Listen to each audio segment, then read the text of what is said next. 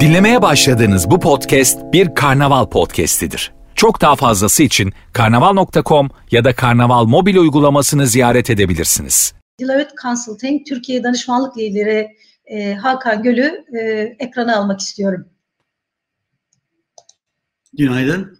Ve geldiler. Hoş geldiniz. Merhaba. Hoş bulduk. Merhabalar. Nasılsınız? E, hepimiz iyiyiz. Umarım bizi izleyenler de iyidir. E, sayımız dediğim gibi artıyor. E, 300'e yaklaştı e, izleyeniniz. E, bir anda e, şu anda yani artacaktır diye düşünüyorum e, süreç içerisinde. E, çalışma saatleri de değişti biliyorsunuz. Bunu da söyleyeyim. E, sizi bekliyorlar. Biz sizi bırakalım ve e, sunumunuz için kolaylıklar dileyelim. Teşekkür ederim. Sağ olun. Öncelikle bu fırsat için çok teşekkürler. E, Dijital ilk zirvede ilk sunumu yapıyor olmak da bana kısmet oldu. E, açılış için de teşekkürler gerçekten e, Gülser Hanım. E, şimdi e, isterseniz ekranı yansıtmıştım hemen. E,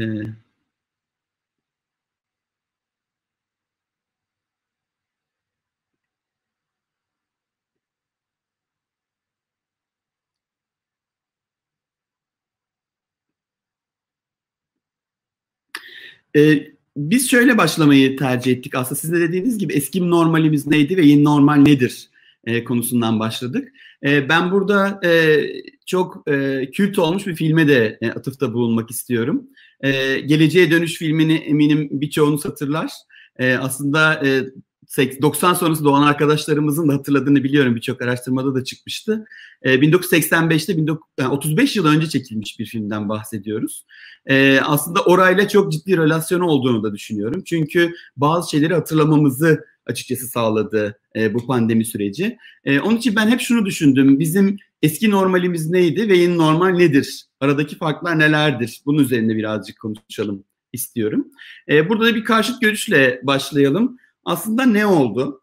E, sihirli bir değnek mi dokundu bize de biz çok şeyin değiştiğini düşünüyoruz e, toplumumuzda, dünyamızda. Evet gerçekten çok şey değişti. E, ama nelerin değiştiğinin farkında olmak bence daha kritik hale geldi. Çünkü e, biz bazen çok hızlı cevaplar ve çok hızlı çözümler peşinde e, koşabiliyoruz doğal olarak. Çünkü pratik e, varlıklarız. E, hep konuştuğumuz bir yıl ve on yıl yanılgısı vardır. Yani biz bir yılda çok şey yapabileceğimizi düşünürüz ama 10 yıla baktığımız zaman ise hayal gücümüz biraz sınırlı kalır. Biz biraz bunun 10 yılı düşünme e, aslında eğiliminin bu süreçle beraber hızlanacağını bu anlamda e, düşünüyoruz. Bir de gerçekten şunu ben merak ediyorum. Toplumdaki dijital uçurum e, bu tür süreçlerle beraber kapanıyor mu? E, ve insanlar yeni normal dediğimiz çokça konuşulan konuya da e, yaklaşıyorlar mı? Çünkü siz e, dönemin orantısız zeka kullanımı dönemi olduğundan bahsetmiştiniz. Ben de şunu görüyorum e, son e, açıkçası 2-3 haftadır da bu yeni normal kavramı da e, kontrolsüzce aşırı kullanılıyor. E, yani burada gerçekten e, her şeyin birden değişeceğini ve bu süreç bittiği zaman da bambaşka bir dünyada uyanacağımızı mı düşünüyoruz? Biraz o konuda şüphelerim var, skeptiyim diye özetleyebilirim. E, bir de e, şu da çok e, dikkatimi çekiyor. Bu daha önceki müşteri deneyimi ile ilgili çalışmalarda da hep konuştuğumuz ve paylaştığımız bir şey. Biz acaba kendi gibi zannetmek yanılgısına mı düşüyoruz çoğu zaman? Çünkü e, şunu düşünebiliyoruz. Benim hayatım böyle değişti. Türkiye'deki tüm insanlar aynı sıçrayışı gerçekleştirdi ya da dünyada da aynı sıçrayış gerçekleşti gibi düşünebiliyoruz. Aslında bunun öyle olmadığını hepimiz biliyoruz. İşte sokağa çıkma yasağı, sosyal mesafe gibi konulara da ne kadar uyulduğunu da gözlemleyerek de aslında fark edebiliriz. Dolayısıyla bu yanılgıya çok düşmemek lazım. Yine her zaman olduğu gibi tüketicileri, çalışanları merkeze almak daha kıymetli diye düşünüyorum. Tabii ki şu çok net. Çok çok farklı bir şekilde e, bizim farkındalığımız arttı. Neyin konuda farkındayız artık? Bir kere değişimin kendisi. E, daha önce konuşuyorduk değişim eksponansiyel geliyor diye. Değişimin kendisini yaşadık. Değişimin kaynağı konusunda farkındalığımız arttı. Birazdan onu geleceğim ama burada pandemiden bahsediyoruz ama e, onun beraberinde gel, gelen teknolojik araçları kullanarak aslında çok iyi, ciddi bir değişim yaşadığımızı fark etmiş olduk. Tabii ki hız ve şiddeti de anladık. Bir günde evden çalışmaya başladı çoğu insan dediğimiz gibi ve e, çok şiddetli bir değişim döneminden de geçtiğimizi herkes de bu anlamda görüyor. Peki değişmeyen şeyler neler? Bunlar da var. Bir kere her zaman konuştuğumuz gibi müşteri deneyimi diyoruz ama asıl merkezde olan insan. Ee, bizim insanın merkezde olması durumu değişmedi. Biz şu anda insanı merkezde tutmaya devam etmeliyiz. Teknoloji hala merkezde değil ve hiçbir zamanda olmayacak. Dolayısıyla bizim insan deneyimini tasarlıyor olmamız lazım. Bir de önümüzdeki dönemde bu yeni normali tanımlarken ki bunu hala bilmiyoruz. Hangi insan deneyimi unsurları bu sürece hakim olacak onu da keşfedeceğiz. Ama bazı insan olmanın gerektirdiği değerlerimiz var. Bunlar tabii ki değişmeyecek. Ve ben buna birazcık da yeni fırsat alanları diye bakıyorum. Çünkü bu süreç birçok firma için tabii ki riskler barındırmakla beraber çok ciddi anlamda yeni fırsatlar da yaratıyor. Birazcık bugün konuşmamda bu fırsat alanlarının üzerine kurgulamayı da planlıyorum. Bir de kimin normali konusu var. E, bizler birey olarak e, normalimiz değişti. Sağlık, e, finansal kaygılar, gelecek kaygısı gibi konular gündemimize daha çok girmeye başladı. Çalışanlar için bahsettiğimiz gibi uzaktan çalışma e, normaline eriştik. Tabii tüketicilerin hangi kategori nasıl tepki verdiğini ve bundan sonra da nasıl tepki vereceğini de bilmiyoruz. Bizim Mart sonunda yaptığımız bir kategori etkilenme, etkilenme çalışması vardı tüketiciler için. Şimdi Nisan'da bakıyoruz burada da değişiklikler var ve krizden sonra gerçekten neyin normale döneceği konusunda da şu andan hakem kesmek biraz zor. E, tabii ki markalar için de çok şey değişti. Burada kurumsal iletişim, sürdürülebilirlik e, konseptin aslında nasıl değiştiğini, gündeme nasıl oturduğunu da görebiliyoruz ve e, dönem, söylem ve eylemin aslında bir arada olduğu dönem diye bakabiliriz.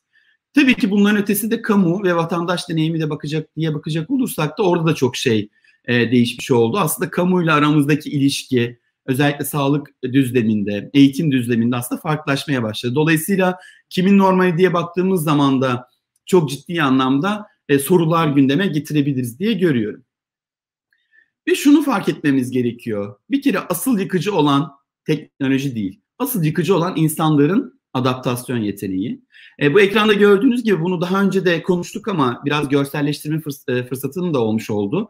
Teknoloji böyle eksponansiyel olarak ilerlerken aslında çok hızlı bir şekilde bireyler hemen onları takip ediyorlar. Tabii ki arada bir gap var. Özellikle ARGE, ürünlerin çıkışı ve adaptasyonu konusunda ama asıl bireyler kadar iş ve şirketler yani iş dünyası markalar bunu takip edemiyor. Dolayısıyla arada bir boşluk oluşuyor. İşte fırsat alanı burası. Bizim bu bireylerin adapte olduğu dünyaya markaları ve şirketleri ne kadar hızlı taşıdığımız, ne kadar etkin taşıdığımız önemli. Bunun fırsat alanı yaratması çok muhtemel.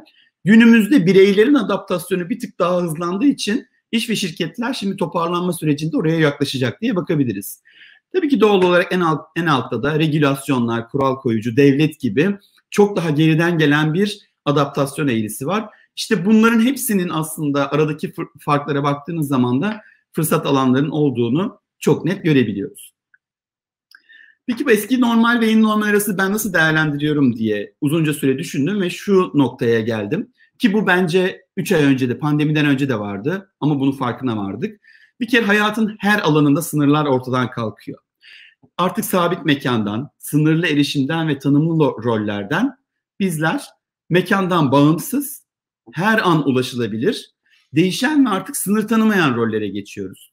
Çalışan olarak, aile bireyleri olarak, e, marka yöneticileri olarak, tüketiciler olarak. Ve neyi tahmin edebiliriz bu dönemde? Çok az şeyi tahmin edebiliriz. Onun için deneme yanılma, yanılma yöntemini e, çok daha hızlı bir şekilde benimsememiz gerekiyor. Ben geleceğe dönüşü çok severim, Doları'yı da çok severim. Onun için sizlere e, kısa bir e, filmden bir kare de hatırlatmak istiyorum. Gelecek ha?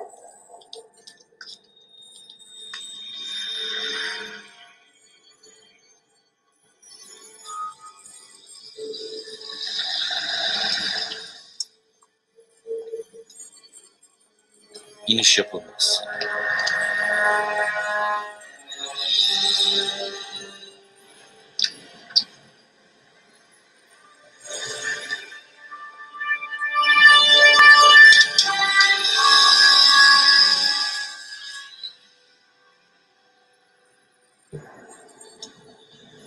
Ele se marcar no seu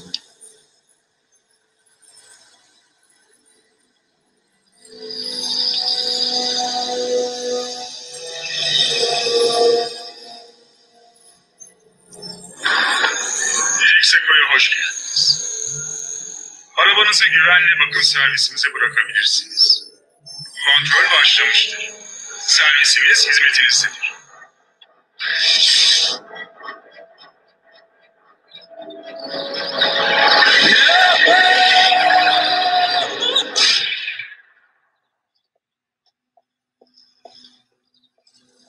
Köpek balıkları hala korkuyor. Merhaba dostlar, Goldie Wilson'ın 3. yeni sistemine hoş geldiniz. Biliyorsunuz büyük anne ve babalarımız trafik sorunundan çok çekmişlerdi.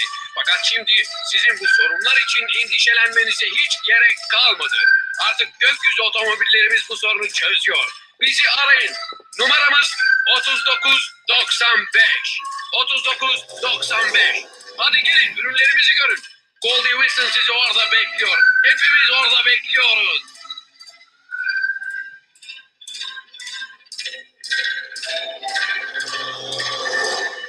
İşte insanların adaptasyon yeteneği. E, 1987'de bu e, Geleceğe Dönüş 2 e, filmi çekildi. E, işte artık antikalaşan aslında birçok e, ürünün, markanın e, gündeme geleceğini e, öngörebiliriz ama bunların hangisi doğru şu anda bilmiyoruz. Dolayısıyla çok ciddi bir belirsizlik e, döneminde yaşıyoruz. Bu pandemi e, ve anlayışımız nasıl şekillendik çok kısa ondan bahsetmek istiyorum. Çünkü burası bence bu dünyayı kavramamız için kritik olacak. Bir kere bu belirsizliği kabul etmek gerekiyor.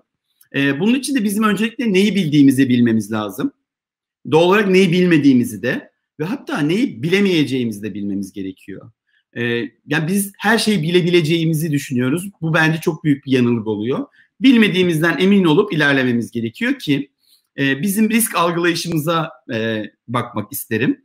E, ekranda gördüğünüz e, tablolar Dünya Ekonomi Forumu tarafından paylaşılan e, 2020 Global Risk Raporu'ndan.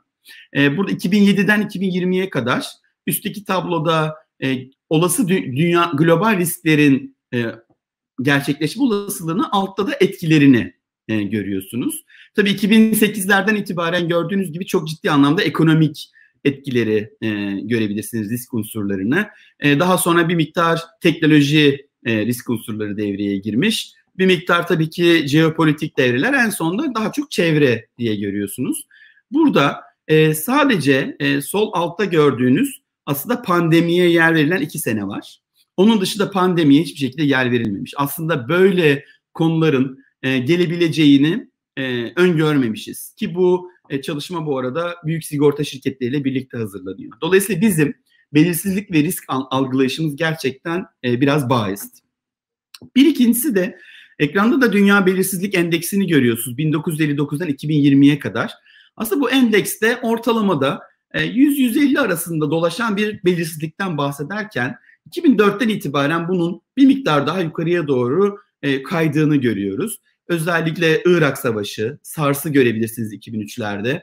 Daha sonra Brexit, işte Amerika ve Çin arasındaki tansiyon ve en sonunda koronavirüsle beraber bu endeksin 400'lere kadar tırmandığını görüyoruz. Dolayısıyla belirsizlik aslında gerçekten hep vardı.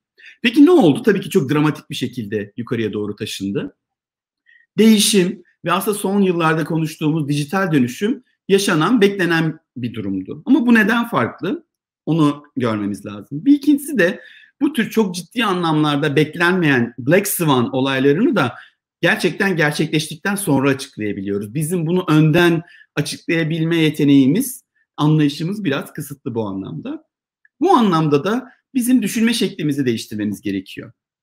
Çünkü kriz anında lider markalar ya da bu markaların liderleri ne yapmalı e, diye bakacak olursak da biz e, Gülsen Hanım'ın söylediği gibi hem dünyada hem e, Türkiye'de de markaların neler yaptıklarını toparladık. Bir kere üç aşaması var bu olayın. Bir, krize yanıt verme dönemi. iki toparlanma dönemi. Üç de iyileşme dönemi. Biz hala yanıt verme dönemindeyiz. Biz şu anda olması gereken düşünme şeklinin değişikliğini anlıyoruz. Daha sonra belirsizlikleri ve etkileri belirliyor şirketler. Toparlanmada da şunu öneriyoruz. Toparlanmanın katalizör olarak güveni yerleştirmeleri lazım markaların ki müşteri deneyimi açısından en en önemli konulardan biri olarak görüyorum. Tabii ki bu toparlanmanın hemen bitişine doğru da varış noktasını tanımlamak ve toparlanma el kitabını hazırlamak gerekiyor. Ve tabii ki bu süreç boyunca da başkalarından öğrenmemiz gerekiyor. Başkalarının başarılarından ve başarısızlıklarından diye bakabiliriz. Neler var? Ee, şimdi olması gereken düşünme şekli bugünden yarına nasıl değişti? pandemiyle de beraber bir kere durumun şu anda tahmin edilemez olduğunu görmemiz. Toparlanma sürecine geçtiğimizden de e, ara normali tanımlamaya çalışmamız, anlamamız gerekiyor. Odağımız kriz döneminde şirket içiydi, çalışan deneyimiydi. Şimdi pazara ve müşteri deneyimine bakmamız gerekiyor. Doğal olarak bir kriz yönettik. Artık bunu program yönetimine çevirmemiz lazım. Ve acil durumları planladık ama artık bizim senaryo planlama dönemine geçmemiz gerekiyor. Ve doğal olarak reaktiftik şu ana kadar kriz döneminde. Şimdi artık yeniden keşif dönemine doğru geçmemiz gerekiyor. Ve bu belirsizliği de aslında bir fırsat olarak görmekten bahsetmiştik. Bunu bir keşif için kullanmak da gerekir. Çünkü şunun farkına varalım. Sosyal kontratlar değişti. Ee, çalışanlar, yöneticiler, hissedarlar hatta hatta kamuyla olan kontratımız anlamında değişiklikler var. Ve çok ilginç ki kurumların rolleri ve kurallar da değişti. Yani kamu işi yapan işletmeler, işletme gibi davranan kamu kurumları ve her ikisini birden yapan STK'lar var artık pandemi döneminde. Ve doğal olarak da finansman kaynakları, bunların kullanımı ve mali piyasalardaki öngörü, öngörülemezliği, bunun ne kadar süreceğini de gerçekten algılamamız gerekiyor. Bir de tabii ki bu yeni normalle en çok konuşulan müşteri davranış değişikliğindeki kalıcı unsurlar nelerdir onlara bakmak gerekir ki hem davranıştan hem beklentilerden hem de deneyimdeki kalıcı unsurlardan ve dijital etkileşimin rolünden bu anlamda e, bu keşfi, keşif sürecini işletmemiz gerekiyor. Ve son olarak da yükselen bir güvenlik duyarlılığı var herkes için, bütün insanlar için. Bunu birazcık açmamız gerekiyor. Bu güvenliği biraz açmak gerekirse de toparlanmanın katalizörü olarak güveni yerleştirmekten bahsetmiştim. Biz bunu dört insani boyutta markaların değerlendirdiğini görüyoruz. Bir tanesi fiziksel. İşte şimdi AVM'lerin, e, mağazaların yeniden açılış döneminden bahsediyoruz. Dolayısıyla fiziksel alanın güvenli olmasına duyulan güven müşteri deneyim açısından çok çok önemli. İkincisi duygusal duygusal ve toplumsal ihtiyaçların korunduğuna ilişkin de güven hissettirmemiz gerekiyor. E, üçüncüsü dijital. Verilerinizin emniyette olduğuna ilişkin bir güven olması gerekiyor. Çünkü e, bu dönemde çok ciddi anlamda siber atakların sayısının arttığını da biliyoruz. Ve tabii ki insanların finansal kaygılarının giderilmesine ilişkin güveni de e, somut hale getirmemiz gerekiyor. Yani bizim bu belirsizlik ortamında eğer güveni biz markalar olarak tüketicilere ve insanlara verebilirsek bunu gerçekten somutlaştırıp müşteri deneyiminin yeni normaline hazırlanabiliriz diye görüyoruz. Bir de tercihlerin önemi var bu dönemde. Çünkü mutlaka her firma toparlanacak ve bu dönemden e, başarıyla çıkacak. E, başarıyla çıkmaya çalışacak. Dolayısıyla burada neler var? E, tercihler yapması gerekiyor. Bir kere iş gücünün yeniden entegre edilmesi önemli. E, tedarik zincirinin toparlanması çok çok önemli. Sizin müşteri deneyiminiz çok iyi kurgulanmış olabilir ama ürünün bulunabilirliğini sağlamak gerçekten zorlaştı günümüzde. Teknoloji ve dijital yatırımların hızlandırıldığını görüyoruz. Burada neye yatırım yapacağınıza karar vermek ve hangi hızda yapacağınıza karar vermek e, bence belirleyici faktör olacak. Ve konuştuğumuz tüketicinin gerçekten anlaşılması ve bunun hızlandırılması yönünde e, bir tercih yapması gerekiyor markaların. Ve tabii ki tüm her şeyi destekleyecek bir iş sürekliliği ve finansman planı e, markalar için çok kritik olacak. Ve bunu yaparken de e, buna biz yani Recover Lab e, demek istedik açıkçası. Çünkü şu anda biz hala yanıt dönemindeyiz. Yani 11 Mart'tan itibaren Türkiye özelinde konuşursak hala bir devamlılığa hazırlanma ve planlama sürecindeyiz. Daha toparlanmaya geçmedik. Bir üç ay arasında bu yanıt döneminin ülkeden ülkeye değişmekle beraber sürdüğünü görüyoruz. Bizim toparlanma dönemimiz ise yani yaklaşık 2-9 ay arasında sürecek. Ben bunu finansal toparlanma, ekonominin büyümesi anlamında demiyorum. Bütün bu bahsettiğimiz müşteri deneyim unsurlarının yerleşmesi anlamında açıkçası düşünüyorum. Dolayısıyla burada öğrenmemiz, adapte olmamız ve buradan daha güçlü çıkabilmemiz için ciddi bir süreye ihtiyaç var. 6-18 ay arasında da artık iyileşme dönemi, bu geleceğe hazırlanma döneminin olacağını düşünebiliriz. Dolayısıyla toparlanma dönemi yaklaşık 9 ay süreceğini öngörürsek burada bizim çok hızlı bir değer önerisi geliştirme metodu geliştirmemiz gerekiyor diye e, düşünüyorum. Bu nasıl olabilir? Dünyadan örnekler de paylaşalım demiştik. Dünyadan ve Türkiye'den. E, baktığımız zaman şirketlerin ana odakları buralarda e, yer aldığını görüyoruz. Bir kere yanıtta tabii ki pandemi kriz yönetimi, işin sürdürülebilirliği ve iş gücü yönetimi ön plandaydı. Şimdi toparlanma döneminde şirketleri bekleyen ana başlıklar senaryo planlama, nakit yönetimi ve likidite tabii ki, tedarik zincirinin stabilizasyonu ve dijital kanal geçişi olacak büyük oranda. Ve iyileşme döneminde de bunu da hazırlanmamız lazım. Çok ciddi anlamda bir maliyet optimizasyonu, ileri analitik, birleşme ve satın almalar, artık markaların ciddi fırsatlar kovalayacağını da düşünüyoruz. Ve çok çok önemli ölçüde pazar payı kapma yarışı yaşanacak. Dolayısıyla iyileşme alanında konuştuğumuz hem maliyet optimize eden hem, hem de aynı zamanda gelirleri arttırmaya çalışan deneyimi etkileyen çok çok fazla unsurla karşılaşacağız. Dolayısıyla bizim e, standart oluşturduğumuz bir deneyim e, tasarımı çok e, interaktif, adaptif olması gerekecek diye görüyoruz. Bu senaryo planlama ve gelecek tasarımı ve aslında bunun beraberindeki hızlı değer önerisi tasarımına kısaca değinelim isterseniz. Biz burada ortaya çıkan dört tane topluluk görüyoruz. Yani şirketleri e, sektördeki durumuna ki bu altta gördüğünüz gibi kısa vadede uzun kısa ve uzun vadede radikal değişiklik olacak olan sektörler var. Ve bir taraftan tabii ki kısa vadeli sorunlar olan ama fırsatlar da yaratılan yerler var. Bir de organizasyonların tiplerine göre de ki kimi, kimi çevik ve dijital olgun, kimisi daha geleneksel diye düşünebiliriz. Buna göre şirketleri ve markaları grupladığımızda e, istisnası hepsi büyümek zorunda. Bu dönemi atlatıp iyileşme dönemine geçmek için. Burada neler var? Birinci topluluk yeni deneyimleri şekillendiren şirketler oluyor olacak. Birazdan açacağım. İkinci topluluk birazcık daha yeni normali tanımlayacaklar olacak. Kendileri için ve kendi müşteri grupları, tüketicileri için ve paydaşları için. Üçüncü grup radikal dönüşümü hızlandıracak şirketlerin olmasını bu anlamda bekliyoruz. Ve dördüncü toplulukta dijital doğan şirketlerin kendi yapılarını ölçeklendirmesi diye düşünebiliriz. Şimdi burada hep büyümeye ilişkin soruları ortaya koymaya çalıştım. Bir kere toparlanma döneminde yeni deneyim şirket e, şekillendiren şirketlerin e, bir kere toparlanmada bu zorlu koşullarda karşılanmamış insani ihtiyaçları daha işin iyi nasıl karşılarlar? Bunun için de ürün hizmet odakları nasıl değiştirebilirler? Buna bakıyorlar. Bunu görüyoruz. Bu şirketlerin iyileşme döneminde ise günümüzde tanınmayan bu sektörlerde uzun vadeli sürdürülebilir büyüme için kendi dijital yetkinlikleri nasıl kullanacaklar buna bakacaklar. Şimdi yeni normali tanımlayan şirketler ilki yine baki, yine karşılanmamış insan ihtiyaçları önemli. Ama daha da önemlisi iyileştirme döneminde ise e, daha iyi ve daha insani deneyimler yaşatmaları için bu şirketlerin sahip oldukları varlıkları, insan kaynağını, kanallarını, teknolojiyi nasıl kullanacağını daha farklı düşünmeleri gerekiyor. Radikal dönüşüm tarafında da bir kere toparlanmada bu değişimi yaratmak ve yeni yetkinlikleri hızla ayağa kaldırmak için ekosistemlerini ayağa kaldırmaları lazım.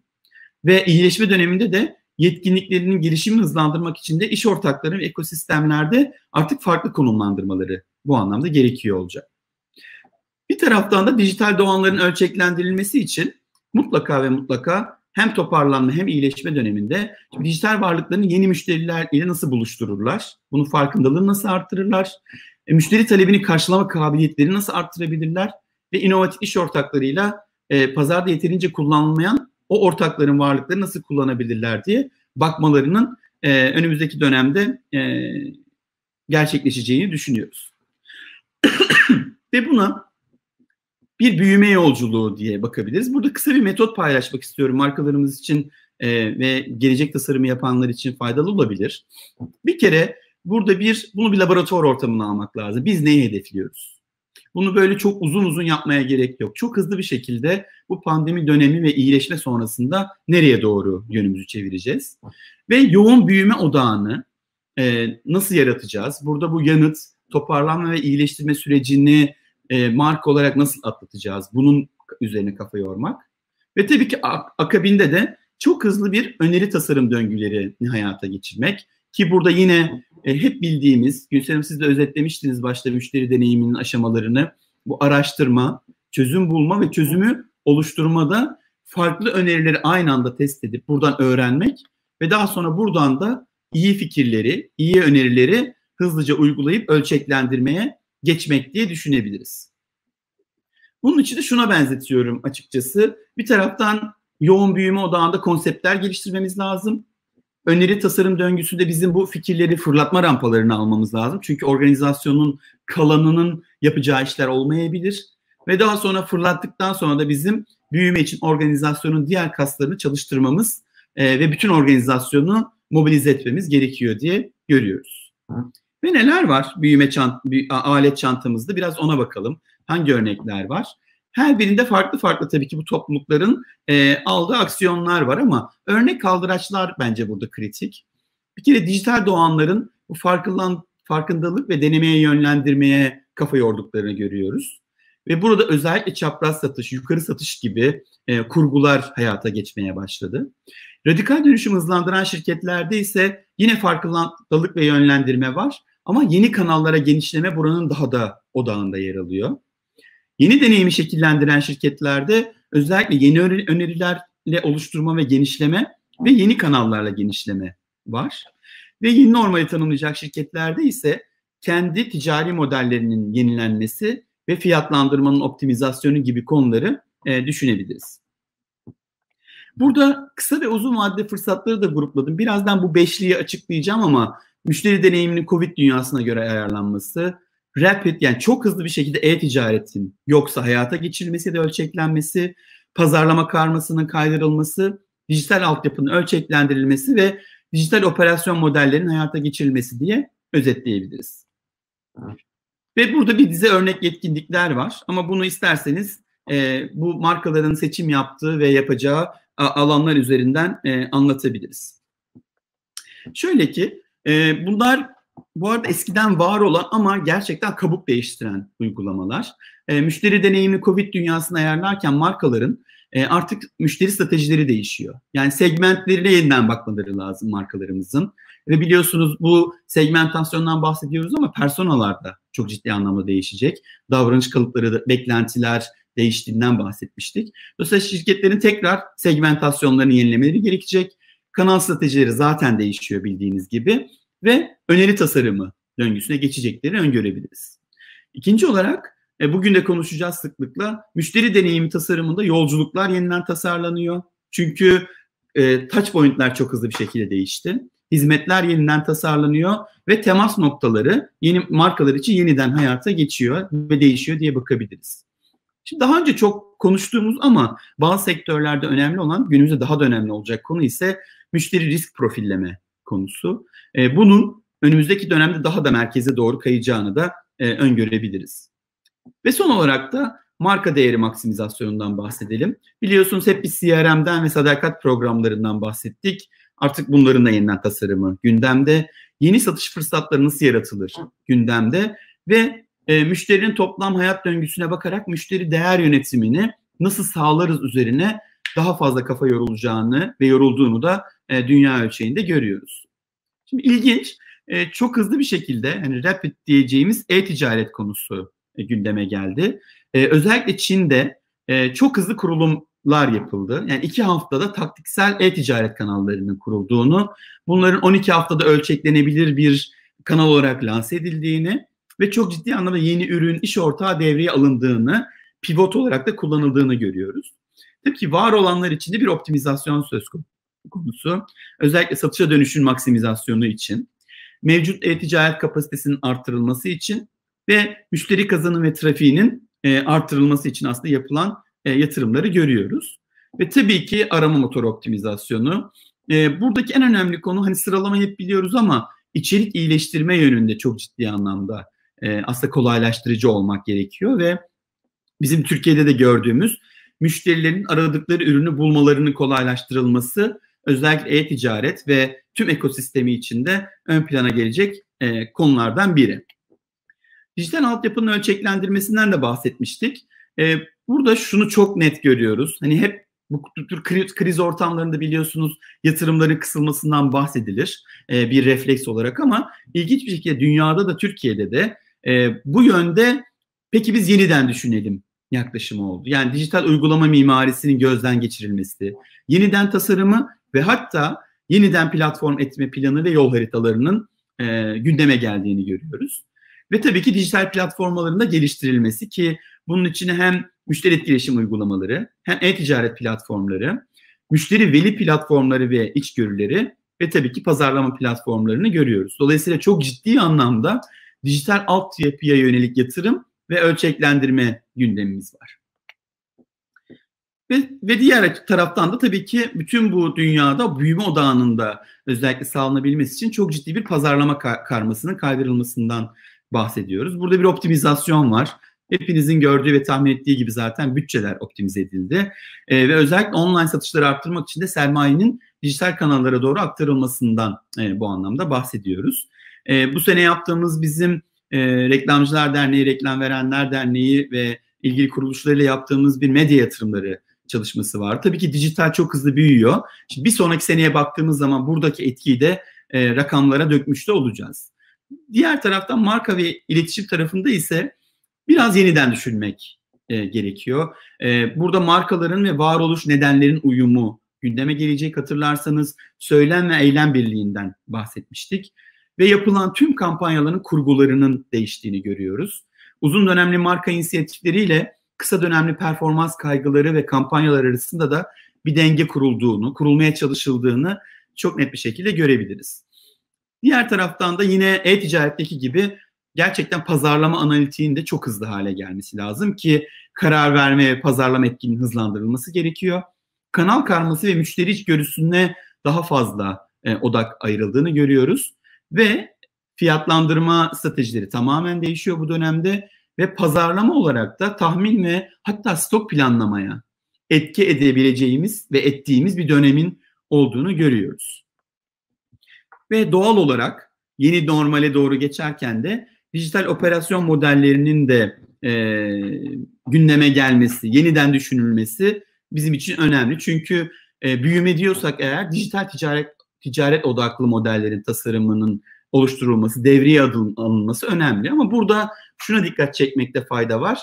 Bu yetkinlikleri artık modüler halde tanımlamak. Yani tüketici etkileşiminde, siparişten teslimata süreçte, ürün çeşitliliğini ve planlamayı yaparken, e, fiyatlandırmada, promosyonda aslında bizim çok hızlı bir şekilde dijitalden beslenen modellerle beraber yeni dünyayı şekillendirmemiz gerekiyor diye görüyoruz.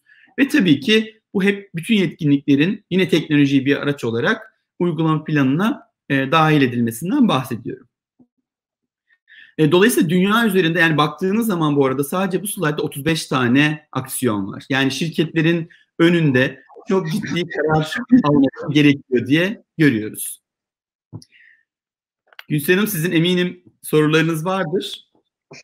Evet, e, benim sorularım var ama e, ekran başındakileri de cesaretlendireyim. Onlar da sorularını sorsunlar. O soruları da size e, aktarmak isterim. E, aslında e, bundan sonrasını anlattınız. Yani tam da beklediğim gibi. E, dolayısıyla hani herkes bugünü anlatıyor ve bunun e, hiçbirimize çok fazla faydası yok. Hepimiz e, arayışlar içerisindeyiz. E, daha önce yaptığınız bir araştırmadan da yola çıkarak e, sorum şu.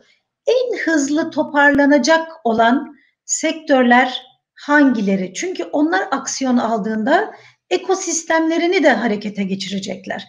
Belki onu söylersek ve onun ekosistemindeki e, şirketler de bu mesajı alırsa aksiyonu biraz daha hızlı başlatabilirler diye düşünüyorum. Doğru. Ee, şimdi biz araştırmayı yaparken e, bu arada umarım yakın zamanda Nisan ayının sonuçlarını da alıp yenileyeceğiz. Ve orada da değişiklikler olduklarını da görüyoruz. Dolayısıyla sizinle muhtemelen tekrar buluşacağız bunları paylaşmak. O webinarı yapacağız illaki evet. Evet kesinlikle. Burada şunu görüyoruz. Bir sektörlerin etkilenme dereceleri farklı. Bir dediğiniz gibi toparlanma e, hızları farklı.